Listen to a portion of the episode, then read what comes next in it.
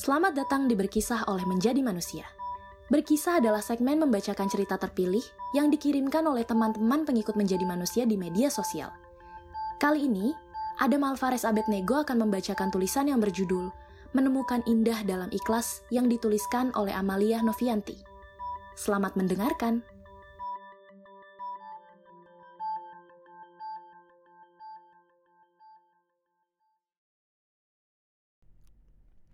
Tahun 2017, aku dihadapkan dengan sebuah pilihan yang sangat sulit. Sebelumnya, perkenalkan, namaku L. Aku adalah anak keempat dari tujuh bersaudara. Dan aku memiliki tiga adik yang masing-masing usianya hanya terpaut dua tahun. Saat itu aku sedang gencar-gencarnya mencari beasiswa untuk kuliah. Tahun itu adalah tahun terakhir aku duduk di bangku SMK. Dengan prestasi-prestasi yang kudapat, aku memiliki banyak harapan untuk diterima di PTN yang bagus. Dan tiba waktunya pengumuman hasil nilai ujian nasional. Aku datang ke sekolah dengan perasaan yang sangat berdebar. Sejujurnya, aku kurang percaya diri. Bisa lulus UN atau tidak ya? Aku langsung menuju papan pengumuman yang dipasang di depan perpustakaan. Teman-temanku yang lain sudah bergerombol di sana dengan berbagai ekspresi. Ada yang menangis, ada yang biasa saja, dan ada juga yang tampak sangat kecewa.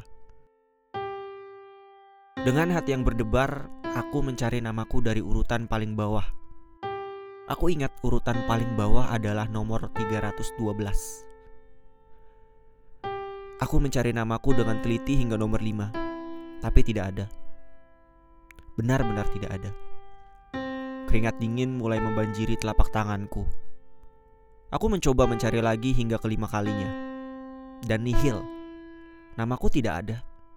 Lututku lemas. Ekspektasiku ternyata tidak benar.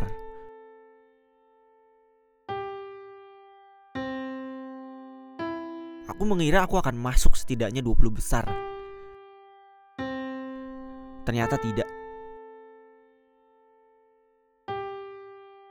Aku sudah membayangkan raut kekecewaan mama yang memiliki harapan banyak dan sangat membanggakanku.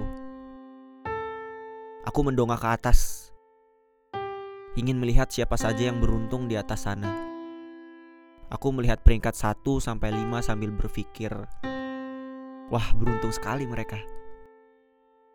Dan aku terbelalak kaget saat namaku juga ada di atas sana, di nomor 2 dengan nilai bahasa Inggris yang hampir mendekati sempurna. Aku pun terharu dan air mata tiba-tiba mengalir dari pelupuk mata. Aku berhasil. Perjuanganku selama ini berhasil. Dan aku semakin bahagia saat guru memberitahu bahwa pengajuan beasiswaku diterima di sebuah PTN yang aku impikan. Aku pulang dengan semangat. Ku kayu sepeda lusuh di tengah terik tapi rasanya sama sekali tidak panas, sangat segar sekali. Benar, aku tidak pernah sebahagia ini sebelumnya. Aku benar-benar bahagia. Mama! Aku memanggil mama yang sedang melipat baju lalu memeluknya. Ini pertama kalinya dalam hidup aku memeluk mama. Mah, mah, aku diterima mah, aku juga lulus, peringkat dua. Aku menjelaskan dengan tergesa-gesa dan penuh semangat. Mama tersenyum. Ia diam. Aku tahu dia bahagia juga. Tapi aku melihat ada yang lain juga di matanya. Seperti sebuah ketidakrelaan.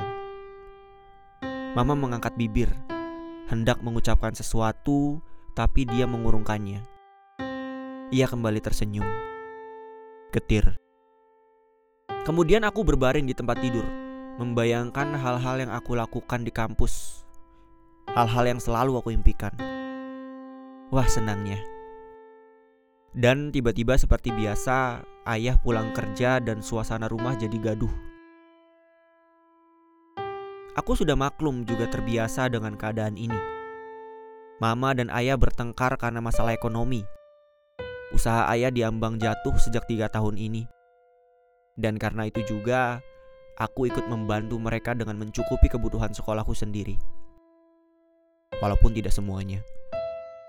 Aku berjualan keripik di sekolah. yang kadang aku titipkan di koperasi. Hasilnya lumayan, sehari aku bisa dapat keuntungan 15 sampai 25 ribu. Sangat cukup untuk membayar SPP bulanan yang kala itu 125 ribu per bulan. Cukup juga untuk aku tabung tiap minggu, dan kadang ku berikan kepada mama untuk jajan adik-adik. Lalu bagaimana dengan kakak-kakakku? Dua kakak laki-lakiku bekerja di tempat usaha ayah juga. Jika ayah hampir bangkrut, mereka juga kena imbas. Tidak bisa menambah pemasukan keluarga, dan mereka berdua juga sudah berkeluarga. Lalu kakak perempuanku bekerja di salah satu pabrik garmen dengan gaji yang sangat kecil. Hanya cukup untuk membayar cicilan motor, biaya transportasi, dan sisanya akan diberikan ke mama dengan nominal yang tidak seberapa. Begitulah kondisi keluargaku saat itu. Aku keluar kamar, menghampiri adik-adikku yang sedang berebut remote TV. Aku menarik napas panjang. Tiba-tiba adikku yang paling kecil bergumam dan menatapku dengan polos. Mbak, mbak kan lulus. Kalau sudah kerja beliin TV aku ya, biar aku nggak rebutan terus sama mas. Katanya sambil menunjuk adik laki-lakiku yang tertua. Aku dibeliin motor ya mbak, Bentar lagi aku masuk SMK. Tutur adik laki-lakiku yang lain ikut nyeletuk. Aku terkesiap, seperti mendapat sebuah pukulan keras. Aku menyadari sesuatu. Aku tersenyum kepada mereka berdua, lalu aku berlalu masuk kamar dan mulai berpikir. Tentu ini sangat sulit. Aku berbaring, menatap langit-langit rumah yang sudah lusuh, mempertimbangkan banyak hal impianku atau keluargaku. Tiba-tiba saja aku mengingat mama tadi siang. Ekspresinya dan guratan risaunya berusaha ia sembunyikan. Aku menangis mengingat hal itu. Hatiku perih.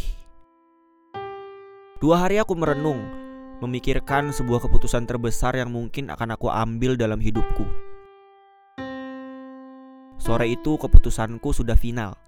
Dengan menarik napas panjang, aku berkata, aku akan bekerja. Aku akan meninggalkan semua perjuangan dan mimpiku. Tapi aku percaya Tuhan Maha Adil. Tuhan tahu lebih dari siapa pun tentang apa yang aku inginkan. Mungkin ini adalah jalan lain yang diberikannya, dan aku akan melewatinya dengan ikhlas. Sekarang sudah genap empat tahun aku bekerja untuk keluargaku. Aku tidak pernah melupakan mama yang menangisi keputusanku. Beribu kata maaf ia ucapkan, dan aku tidak ingin mendengar itu. Hatiku perih. Mengikhlaskan tidak semudah yang aku bayangkan. Benar, aku bekerja keras dan memberikan yang terbaik untuk keluargaku. Tapi ada kalanya aku menangis sendirian.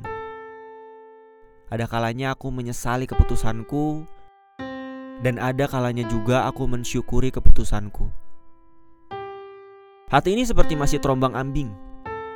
Namun, suka dan duka yang aku jalani begitu cepat mendewasakan gadis berhati kecil ini. Meskipun begitu, di detik ini aku sudah benar-benar ikhlas. Aku bersyukur. Harta yang paling berharga adalah keluarga, bukan? Saat ini aku adalah mahasiswa semester 6 di sebuah universitas swasta. Aku senang bisa bekerja sambil kuliah. Aku mengambil kelas malam bisa bayangkan bukan bagaimana susahnya? Beberapa dari kalian pasti juga pernah merasakan ini. Di waktu senggang, aku mencoba memanfaatkan waktu untuk berjualan online atau menerima jasa pembuatan tote bag serta produk garment. Adikku sudah duduk di bangku SMK, SMP, dan SD. Lucu bukan? Bisa urut seperti itu. Aku bahagia karena mereka bahagia Aku bangga oleh apa-apa yang mereka raih. Aku menyayangi mereka lebih dari apa pun. Segala yang mereka raih, aku merasa itu juga keberhasilanku. Dan rasanya sangat tidak tergambarkan. Adakah yang bisa menjelaskan? Kini setiap harinya aku selalu menunggu surprise dari takdir. Apa yang akan aku hadapi lagi besok, besok, dan besok lagi. Ini sangat menyenangkan. Ikhlas adalah kata yang paling ajaib di dalam hidupku.